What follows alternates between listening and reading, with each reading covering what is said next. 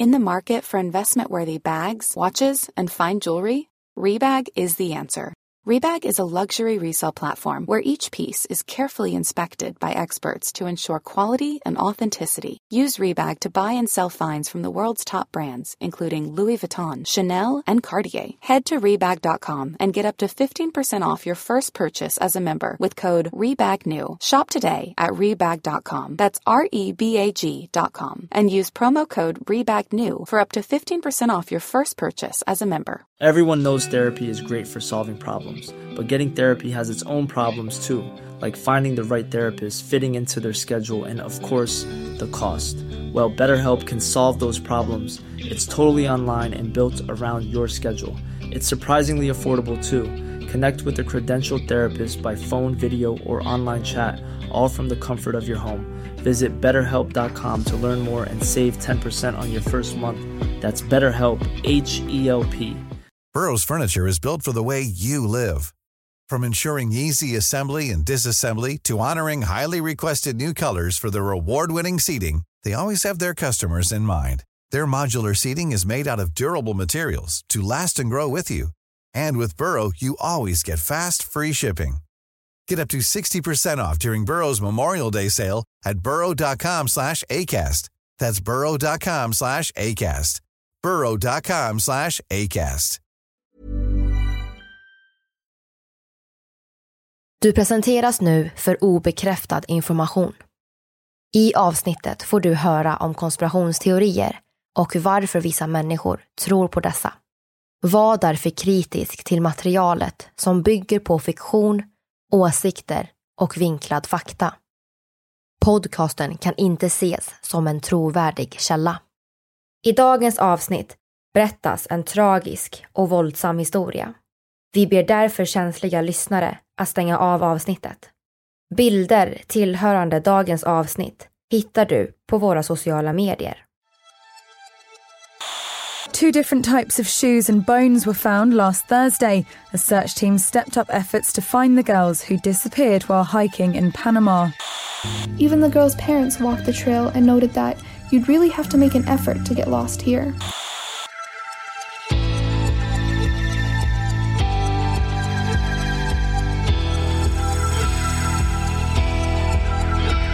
Du lyssnar på konspirationsteorier.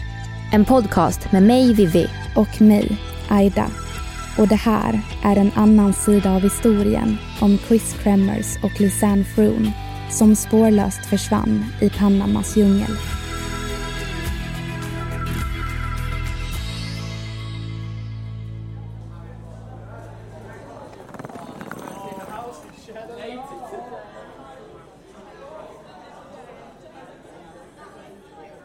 Det är den 15 mars, år 2014.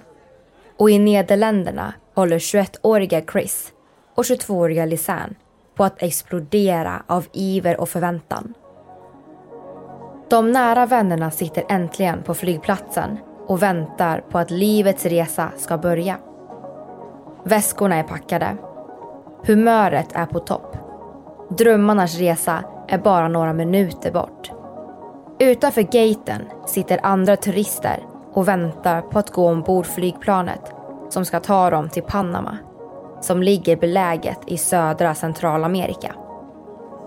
Tjejerna kan se semesterlängtan i de andra passagerarnas ögon. Chris och Lisanne har drömt om det här länge.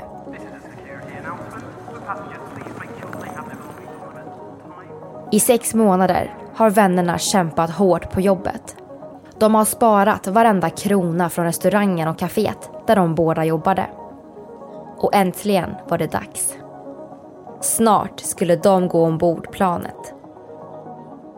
Det skulle bli vackert väder och oerhört fina utsikter. Under de sex månader de planerat resan hade de bestämt att lägga två veckor på att upptäcka landet och kulturen. Resterande fyra veckor av resan skulle de bo hos en lokal familj i bergsstaden Bukete där de skulle ägna tid åt volontärarbete och samtidigt undervisa barn i konst och hantverk. Att åka på volontärarbete var något de båda drömt om efter studierna. Äntligen skulle de göra något som hade en större betydelse för dem själva och även för andra. Att åka på en sån här resa var som gjord för att åka med sin vän. Såklart skulle även spanskan få sig en rejäl omgång på resan. En utmaning som tjejerna såg fram emot. Dessutom hade Lisanne precis tagit examen. Det var dags att fira, umgås med varandra och leva livet. Nu började äventyret som skulle erbjuda erfarenheter och sevärdheter som de längtade efter att skryta om för vänner och familj i en lång tid framöver. Den här fina historien har däremot inget vackert slut. Vännerna skulle aldrig få möjlighet att komma hem och berätta om resan. Den 1 april 2014 vinkade Chris och Lisanne hejdå till den lokala familjen i Panama för att bege sig ut på en vandring.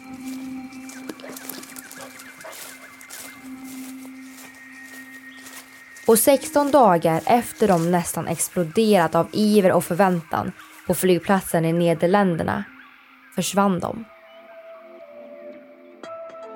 Några månader senare hittas deras kvarlevor i Panamas djungel.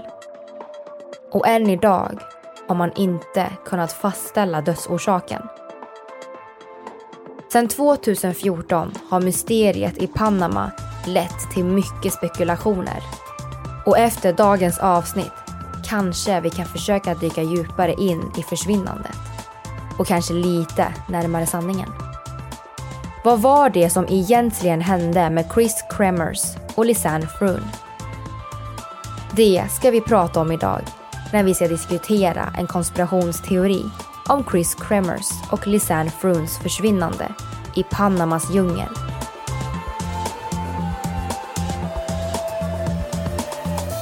Det här är en podcast för dig som är intresserad av en annan version av verkligheten.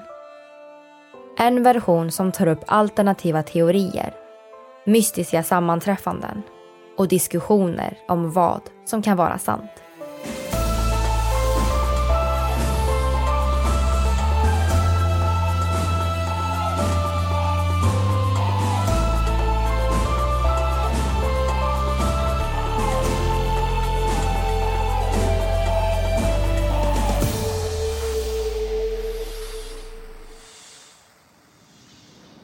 Låt oss gå tillbaka till den 15 mars 2014.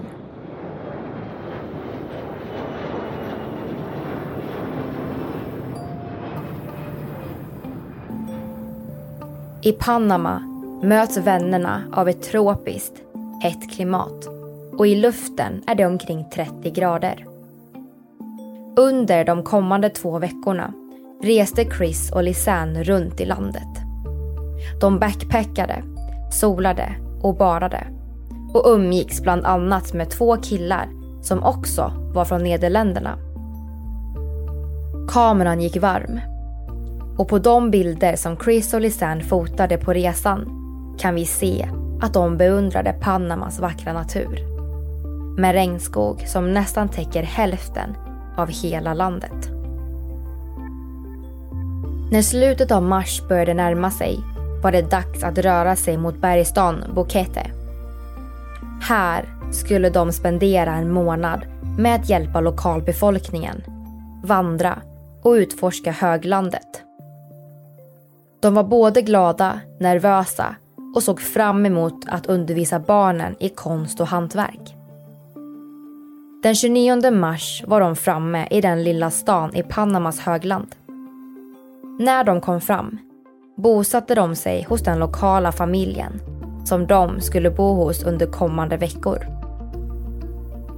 Värdfamiljen var glada över tjejernas ankomst.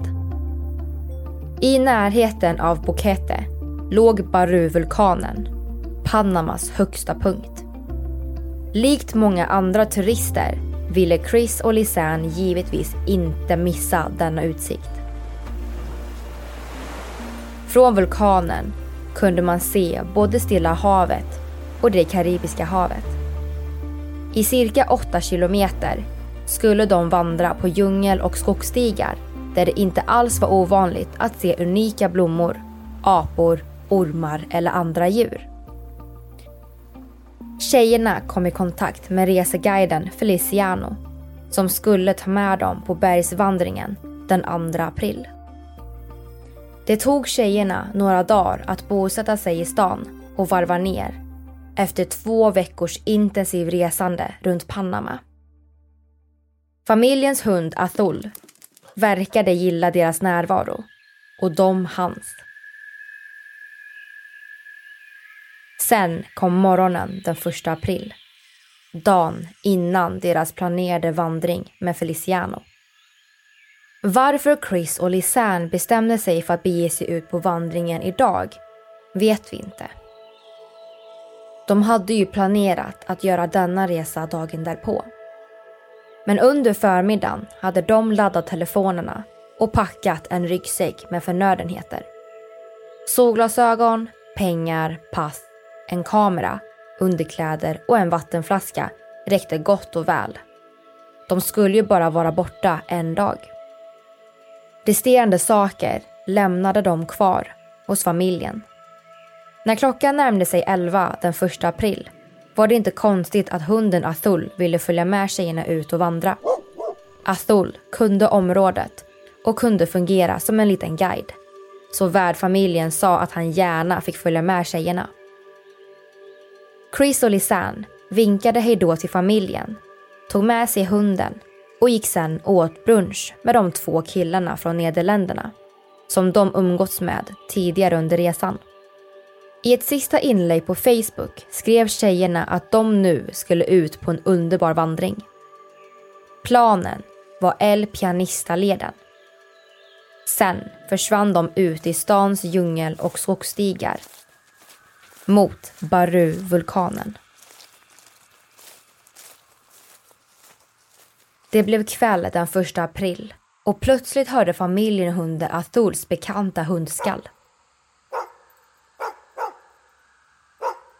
Men varken Chris eller Lisanne var med. Familjen blev genast oroliga. Hade det hänt något? El Pianista-leden ansågs inte som en speciellt avancerad vandringsled. Chris och Lisanne hade inte sagt att de skulle stanna ute över natten och inte heller packat för det. Värdfamiljen tog kontakt med Lisannes mamma som också försökte få kontakt med tjejerna, men utan resultat. Sen tjejerna kom till Panama hade de båda haft god kontakt med deras föräldrar hemma i Nederländerna. Chris och Lisanne brukade skicka meddelanden där de berättade vad de gjorde och hade för planer. Nu hade föräldrarna inte hört något på ett tag. Oron spred sig och kvällen den 1 april övergick till morgonen den 2 april. Idag var det dags för den planerade bergsvandringen kring Baru-vulkanen. Reseguiden Feliciano väntade spänt på Chris och Lisanne för att ta med dem ut och visa en av Panamas finaste utsikter. Men de dök aldrig upp. Feliciano tog kontakt med värdfamiljen var fanns tjejerna? Ingen hade några svar.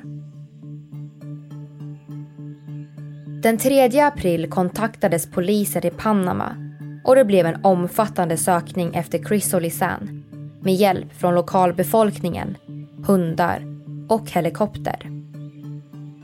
Med hjälp av hundarna kunde utredarna följa den väg som Chris och Lisanne hade vandrat. Men det fanns inga andra spår.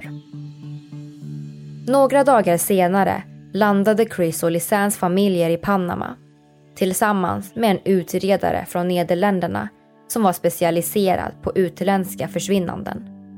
De sökte och sökte. Men Chris och Lisanne fanns ingenstans. Utredarens analys var att tjejerna inte bara kunde försvinna från vandringsleden. Det måste ha hänt något.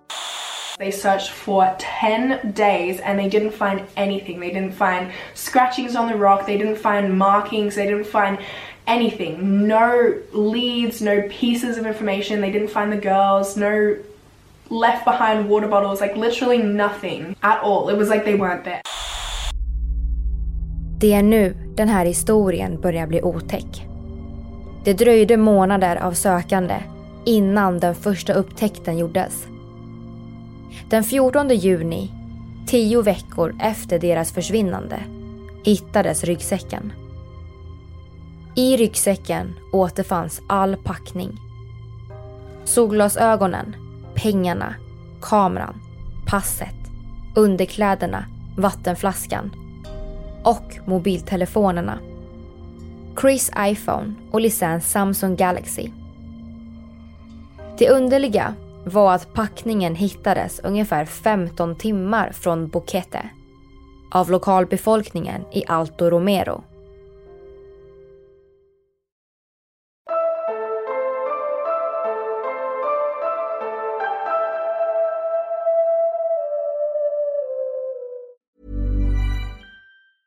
Hey, it's Paige DeSorbo from Giggly Squad. High quality fashion without the price tag. Say hello to Quince. I'm snagging high-end essentials like cozy cashmere sweaters, sleek leather jackets, fine jewelry, and so much more. With Quince being 50 to 80% less than similar brands. And they partner with factories that prioritize safe, ethical, and responsible manufacturing. I love that. Luxury quality within reach. Go to quince.com slash style to get free shipping and 365 day returns on your next order. Quince.com slash style. Everyone knows therapy is great for solving problems, but getting therapy has its own problems too, like finding the right therapist, fitting into their schedule, and of course, the cost. Well, BetterHelp can solve those problems.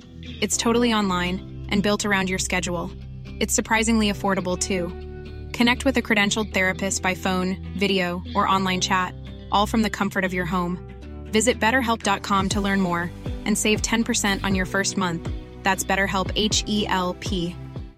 If you're looking for plump lips that last, you need to know about Juvederm lip fillers. With Juvederm Volbella XC and Juvederm Ultra XC, your lip look, whether it's subtle or bold, can last up to one full year with optimal treatment and no additional maintenance. Find a licensed specialist and see if it's right for you at juvederm.com today. That's J U V E D E R M.com. Add fullness to lips in adults over 21 with Juvederm Volbella XC or Juvederm Ultra XC. Do not use if you have severe allergies or a history of severe allergic reactions, or if you're allergic to lidocaine or the proteins used in Juvederm. Tell your doctor if you have a history of scarring or taking medicines that decrease the body's immune response or that can prolong bleeding. Common side effects include injection site redness, swelling, pain, tenderness, firmness, lumps, bumps, bruising, discoloration, or itching. As with all fillers, there's a rare risk of unintentional injection into a blood vessel, which can cause vision abnormalities, blindness, stroke, temporary scabs, or scarring. For full important safety information, visit juvederm.com.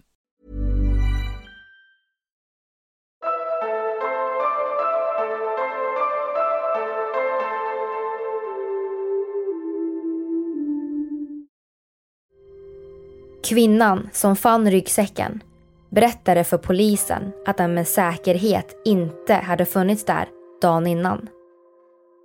Något som kan vara värt att uppmärksamma då det kan vara relevant i konspirationsteorin. Hur hamnade den där? Vad gjorde packningen så här långt bort? Hade de gått vilse och till slut tappat väskan? Eller hade någon fört bort dem? The backpack and everything within it, despite all the heavy rainfall, everything to do with the local area, the weather, everything, it seemed untouched. It was undamaged. Nothing was wrong with it. So that was very, very strange. Because obviously you'd think maybe it'd get soggy, the rain would damage it. It was just very strange how untouched it was. And also you have to remember that this was 10 weeks after the investigation was first launched. So considering nothing was touched, but it had just been placed there the day after this woman had already passed through this area is very, very strange. Men båda telefonerna och kameran fungerade och nu hade utredningen äntligen kommit ett steg längre i att försöka pussla ihop Chris och Lisans timmar i djungeln. Men när utredarna började undersöka telefonerna gjordes en riktigt obehaglig upptäckt. Bara några timmar efter att de gav sig ut på vandringen den 1 april gjordes de första nödsamtalen till 112. Den dåliga täckningen gjorde däremot att samtalen inte gick fram. Dagen därpå, den 2 april, gjordes ytterligare försök att ringa både 112 och 911.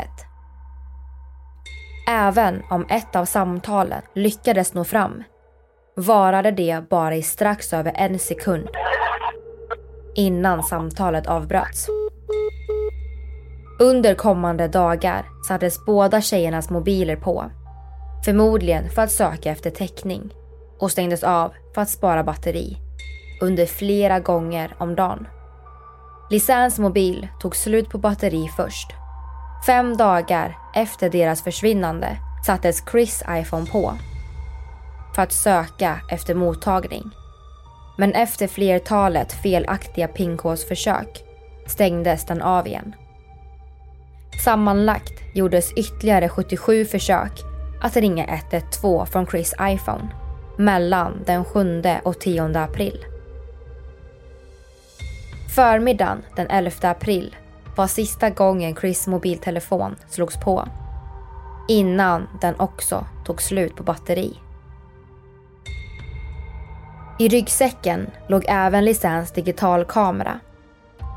Och bland semesterbilderna från tjejernas resa och Panamas fina utsikter så fanns det också många bilder efter att tjejerna försvann den 1 april. Det sände en liten våg av hopp hos familjerna, utredarna och övriga världen som nu hade snappat upp mysteriet i Panamas djungel.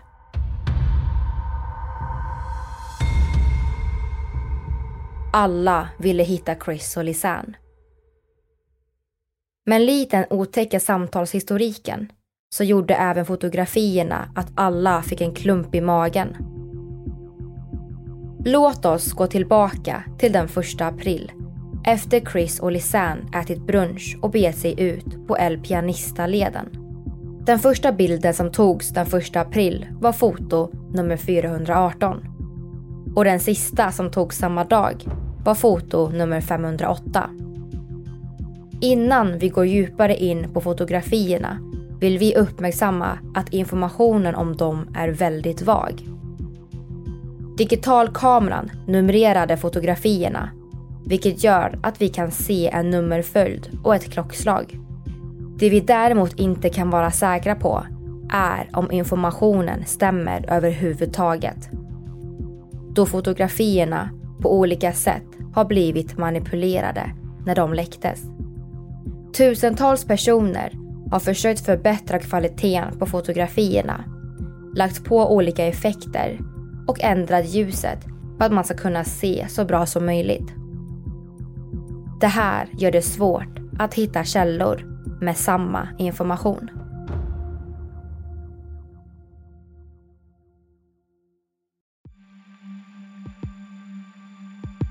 Omkring klockan ett på dagen nådde de bergstoppen. Och det finns flera bilder på två glada unga kvinnor som genomfört en helt vanlig vandring ute i det tropiska. Men väl framme på bergstoppen valde Chris och Lisanne att fortsätta vandra djupare in i djungeln. Det kan vi se på kommande fotografiers bakgrund som visar när tjejerna tar sig igenom allt snårigare och djupare skog. Som turist brukar man bli rekommenderad att inte gå djupare in, inte utan en guide. Hade den informationen inte gått fram till Chris och Lisanne varför väntade de inte till morgondagen på reseguiden? Även om Chris och Lisanne var oerhört intelligenta så undrar många varför gav de sig egentligen ut ensamma från första början? Den sista bilden som togs den 1 april var foto nummer 508 där vi kan se Chris stå på en sten intill rinnande vatten i jeansshorts och ett vitt och röttrandigt linne. Nästa bild på digitalkameran var foto nummer 510 som är taget klockan 20 i två natten den 8 april. Vad hände däremellan? Vad hände under de sju dagarna? Och vad hände med foto nummer 509? The digital camera that the girls were using was automatically numbering the photos being taken. The last photo, taken on the day that they went missing during the daytime, was photo number 508. The first nighttime photo was photo number 510. One photo seemed to be missing, and it was photo number 509. This photo was the only one connecting the daytime photos with the nighttime ones, so the question is why was it deleted? Många tror att foto nummer 509 på något sätt svarar på vad som egentligen hände med tjejerna efter den 1 april. Det är svårt att säga när fotografiet blev borttaget eller om det ens stämmer att det överhuvudtaget existerade. Kanske togs den bort direkt eller under de veckorna som Chris och Lisanne var borta. Eller kanske till och med när den kom in till polisen. Vissa internetkällor hävdar att det egentligen fanns uppemot 500 bilder som polisen inte lyckades komma åt. Kanske för att de togs bort eller var för skadade.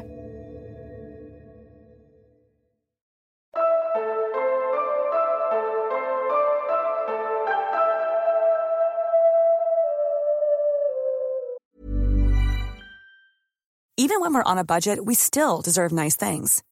Quince is a place to scoop up stunning high-end goods for 50 to 80% less than similar brands. They have buttery soft cashmere sweaters starting at $50, luxurious Italian leather bags, and so much more. Plus, Quince only works with factories that use safe, ethical, and responsible manufacturing. Get the high-end goods you'll love without the high price tag with Quince.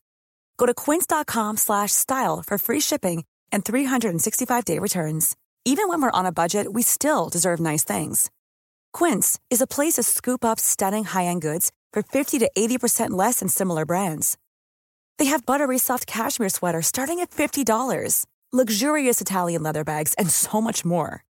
Plus, Quince only works with factories that use safe, ethical, and responsible manufacturing. Get the high-end goods you'll love without the high price tag with Quince. Go to quince.com/style for free shipping and 365-day returns.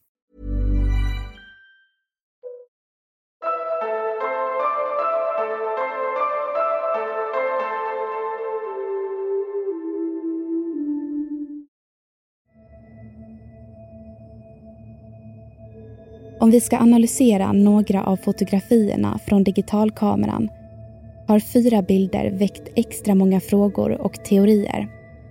Om numren på bilderna stämmer så handlar det om foto nummer 510, 550, 580 och ett utan nummer. Låt oss börja med den första bilden, foto nummer 510, som togs under natten den 8 april klockan 01.38. Det är mörkt på fotografiet. Det man däremot kan urskilja ser ut att vara ett stup. Många teoretiker menar att det är svårt att veta vilket håll bilden är tagen från. Antingen skulle någon kunna ha fotat den nerifrån ett stup eller bara ner mot marken. Vissa menar också att det skulle kunna vara en flod. Vad vi kan se så består bilden mestadels av stenar, smuts och mörker. Däremot finns det olika redigerade varianter av bilden där vissa tror sig se en skugga. En minut senare, klockan 01.39, tas nästa mystiska fotografi, foto nummer 550. På bilden ser vi en kvist som ligger på en sten och på kvisten sitter delar av en plastpåse. Det ser ut som att kvisten skulle kunna användas för att signalera efter hjälp eller för att markera ett ställe där de varit på ifall de gick i cirklar eller om någon sökte efter dem. Även om vi såklart inte kan veta vad tanken med kvisten och delarna av plastpåsen var så kan vi i alla fall utesluta att det var en vandringsstav då kvisten var både kort och såg ostadig ut. Tio minuter senare, klockan 01.49, tas nästa underliga bild, foto nummer 580. Denna bild är kanske den bild som mötts av flest spekulationer hittills. På bilden ser vi något som ser ut att vara Chris bakhuvud och hennes blonda hår. Vissa teoretiker har påstått att det regnade under natten och att Chris hår i så fall borde ha varit blött på bilden. Men det var torrt. Hade de kanske befunnit sig under något skydd? Något som många undrar är däremot varför denna bild togs. Hade Chris fått en skada i bakhuvudet som Lisanne fotade? Eller kan det ha varit så att Chris dog och Lisanne valde att ta en sista bild på sin vän? Sedan har vi kommit till den fjärde bilden. Den bild som inte har någon numrering. Den är tagen klockan 01.46 men vilken dag den togs vet vi inte. På bilden kan vi se ytterligare en stor sten där det ligger en spegel och toalettpapper. När man funderar kring varför bilden togs kanske det var ett försök att signalera efter hjälp. Men om de försökte tillkalla uppmärksamhet genom att placera ut sakerna på stenen betyder det i så fall att de var vilse. Om Chris och Lisanne var i fara, försökte gömma sig eller fly från någon hade de verkligen lagt ut toalettpapper och en spegel på en sten. Många som tittar på bilden tror att det här var ett SOS-försök. I några av de andra fotografierna kan man se att kameran lyser upp droppar eller partiklar i luften. Det kan kanske vara dammpartiklar, men det kan även vara regn eller droppar från ett vattendrag. Det som däremot aldrig är blött är linsen. Nu hade utredarna gått igenom både samtalshistoriken och bilderna. Men än så länge var Chris och Lisanne fortfarande spårlöst försvunna. Två månader efter att ryggsäcken hittades så gjordes ännu fler obehagliga upptäckter. Återigen av lokalbefolkningen i Alto Romero. Först hittades Chris jeansshorts. Vissa menar att de låg ihopvikta på en sten intill vattnet. Andra påstår att de flöt omkring. Efter det här hittades kroppsdelar. Först upptäcktes ett bäckenben och sedan en vandringssko med en fot inuti. Snart hade ett flertal små benbitar hittats på olika platser längs samma flodbank. De tillhörde tyvärr Chris och Lisanne. Lisannes benbitar hade fortfarande ett naturligt spår av hudrester kvar. Men Chris benbitar verkade däremot ha blivit rengjorda och blekta och vissa menar till och med att det fanns spår av fosfor. Tre månader efter att kroppsdelarna hittades påstår vissa även att en separat del av Lisannes hud hittades där förmultningsprocessen inte stämde överens med benen. Återigen går det däremot inte att säga om det här stämmer eller inte. När upptäckterna gjordes så förhörde polisen olika personer som var av intresse utan något vidare resultat. Det fanns ingen som visste någonting och de involverade i utredningen stod som frågetecken. Förutom bäckenbenet och foten så återfanns inga större kroppsdelar. Därmed gick det inte att ta fram en dödsorsak eftersom det bara hittades några få små benbitar. Detta faktum gjorde att den officiella teorin gällande deras dödsorsak var att Chris och Lisanne gick vilse, korsade en instabil bro och föll ner av misstag.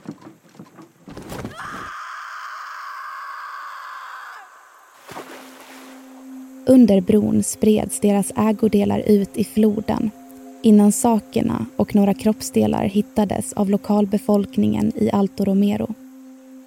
Efter det här har fallet inte öppnats upp igen men det finns många konspirationsteoretiker som inte köper denna berättelse. Teoretiker menar att det finns allt för många tvivel och oförklarliga händelser. Så låt oss gå in på några konspirationsteorier kring mysteriet i Panamas djungel. Samtalen och att väskan hittades så långt bort har lett till teorier om att Chris och Lisanne gick vilse eller gjorde sig illa. Om någon av dem skadade sig eller kanske de båda, skulle det inte vara lätt att hitta tillbaka. Speciellt eftersom deras mobiler inte hade någon täckning. De hittade inte tillbaka och hade varken tillgång till rent vatten eller mat. En teori på detta spår är att tjejerna gick vilse och att Chris på något sätt gjorde sig illa. Vi går tillbaka till de 90 fotografierna som togs på 3-4 timmar under natten den 8 april. Kanske ramlade Chris i djungeln och slog i bakhuvudet, vilket Lisanne potentiellt fotade med digitalkameran. Efter den 6 april gjordes flertalet felaktiga pinkodsförsök på Chris iPhone. Var det kanske Lisanne som använde mobiltelefonen, men hon kunde kanske inte Chris lösenord. Eftersom Lisanne själv hade en Samsung som nu var slut på batteri så kanske hon inte visste att man kunde ringa nödsamtal från en iPhone utan att låsa upp telefonen. Det kan förklara varför fel pinkod skrevs in så många gånger. Man kan även spekulera i om kameran användes som en slags ficklampa under natten den åttonde eftersom fotografierna är tagna med blixt och med ett intervall på bara några sekunder. Det finns däremot andra teorier när det gäller fotografierna. Enligt olika argument på internetforum så verkar det konstigt om kameran användes som en ficklampa. I alla fall när man tittar på de olika kameravinklar som fotografierna är tagna ifrån. However, then it is then disputed that when you take a flash photo in pure darkness, so it would have been pitch black at that time, it actually kind of sort of temporarily blinds you in a way. Your eyes have to readjust. I don't know if you've ever done that, but the flash, your eyes don't really adjust. So it wouldn't have actually aided them. They wouldn't have been able to see anything, so that wouldn't have helped them find their way. Ibland ser det ut som fotografen suttit stilla och fotat från ungefär samma vinkel, ofta mot träden eller himlen. Kanske var den som höll i kameran rädd men egentligen finns det inget som säger att det var Chris eller Lisanne som började använda kameran igen. En vecka efter att de senast gjorde det. På en bild kan vi se ett blont bakhuvud. Men egentligen kan det lika väl vara en bild på en peruk. Även om det ser ut att vara Chris. Fanns det en tredje person i djungeln? Hade den personen gjort Chris och Lisanne illa försökte skapa ett falskt spår genom fotografierna och gjorde sedan rent Chris benbitar innan de hittades. Historien om Chris och Lisannes försvinnande har ett fruktansvärt slut. Och trots en gemensam önskan från världens alla hörn så har mysteriet i Panamas djungel inte fått någon vettig förklaring än. Finns svaret på gåtan kanske i bilderna eller tog Chris och Lisanne med sig det i graven? Vad tror du?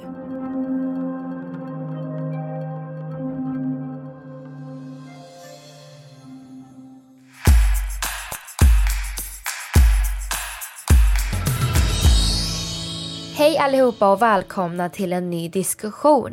Hallå. Jag heter Vivi. Och mitt namn är Aida. Och idag ska vi prata om fallet om Chris och Lisanne. Mm. Grejen med den här händelsen är ju att den är väldigt svår för man vet inte riktigt vad som är sant och vad som inte är sant just på grund av alla de här bilderna. För bilderna kan ju ha förvrängts ganska mycket i och med att man har komprimerat dem i storleken. Så gjort dem mindre eller att man har förlorat pixlar i bilderna. Och den här informationsfilen till bilderna, där kommer det ju upp en varning om att de är förvridna.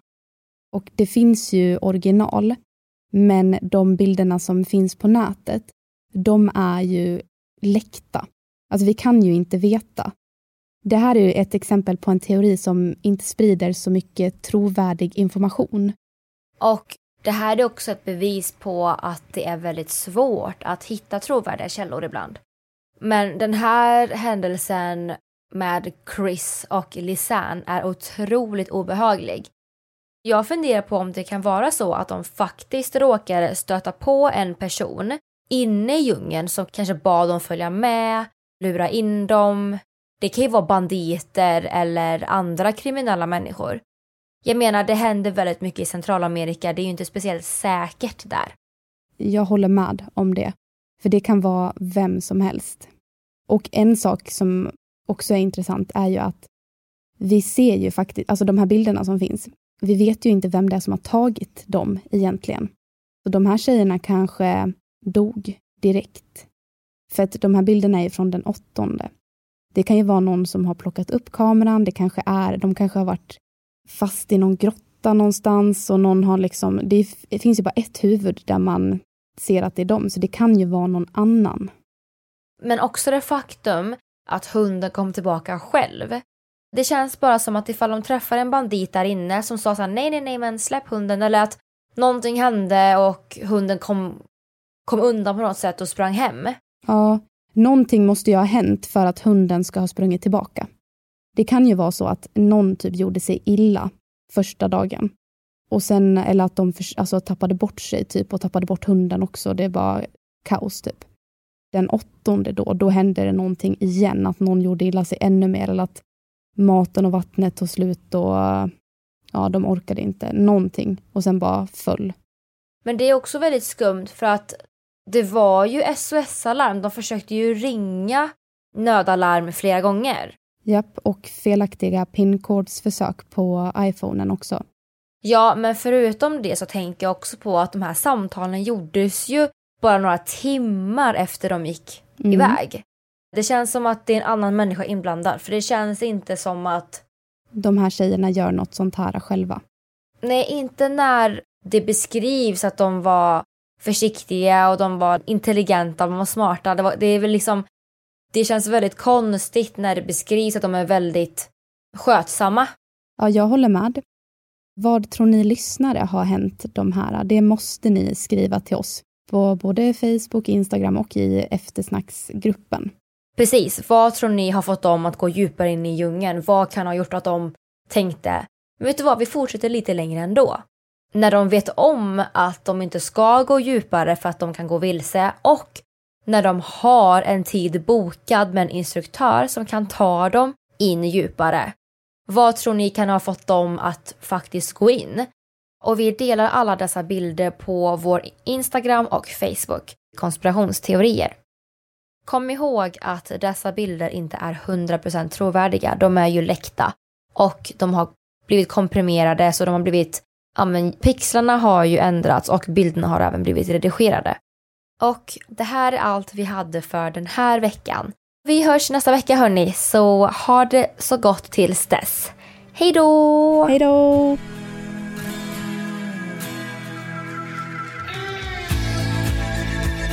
Du har lyssnat på podden Konspirationsteorier som gjordes hösten 2020. Vi som har gjort programmet heter Vivian Lee och Aida Engvall tillsammans med redigerare Jenny Olli. Källorna till dagens avsnitt hittar du på Facebook.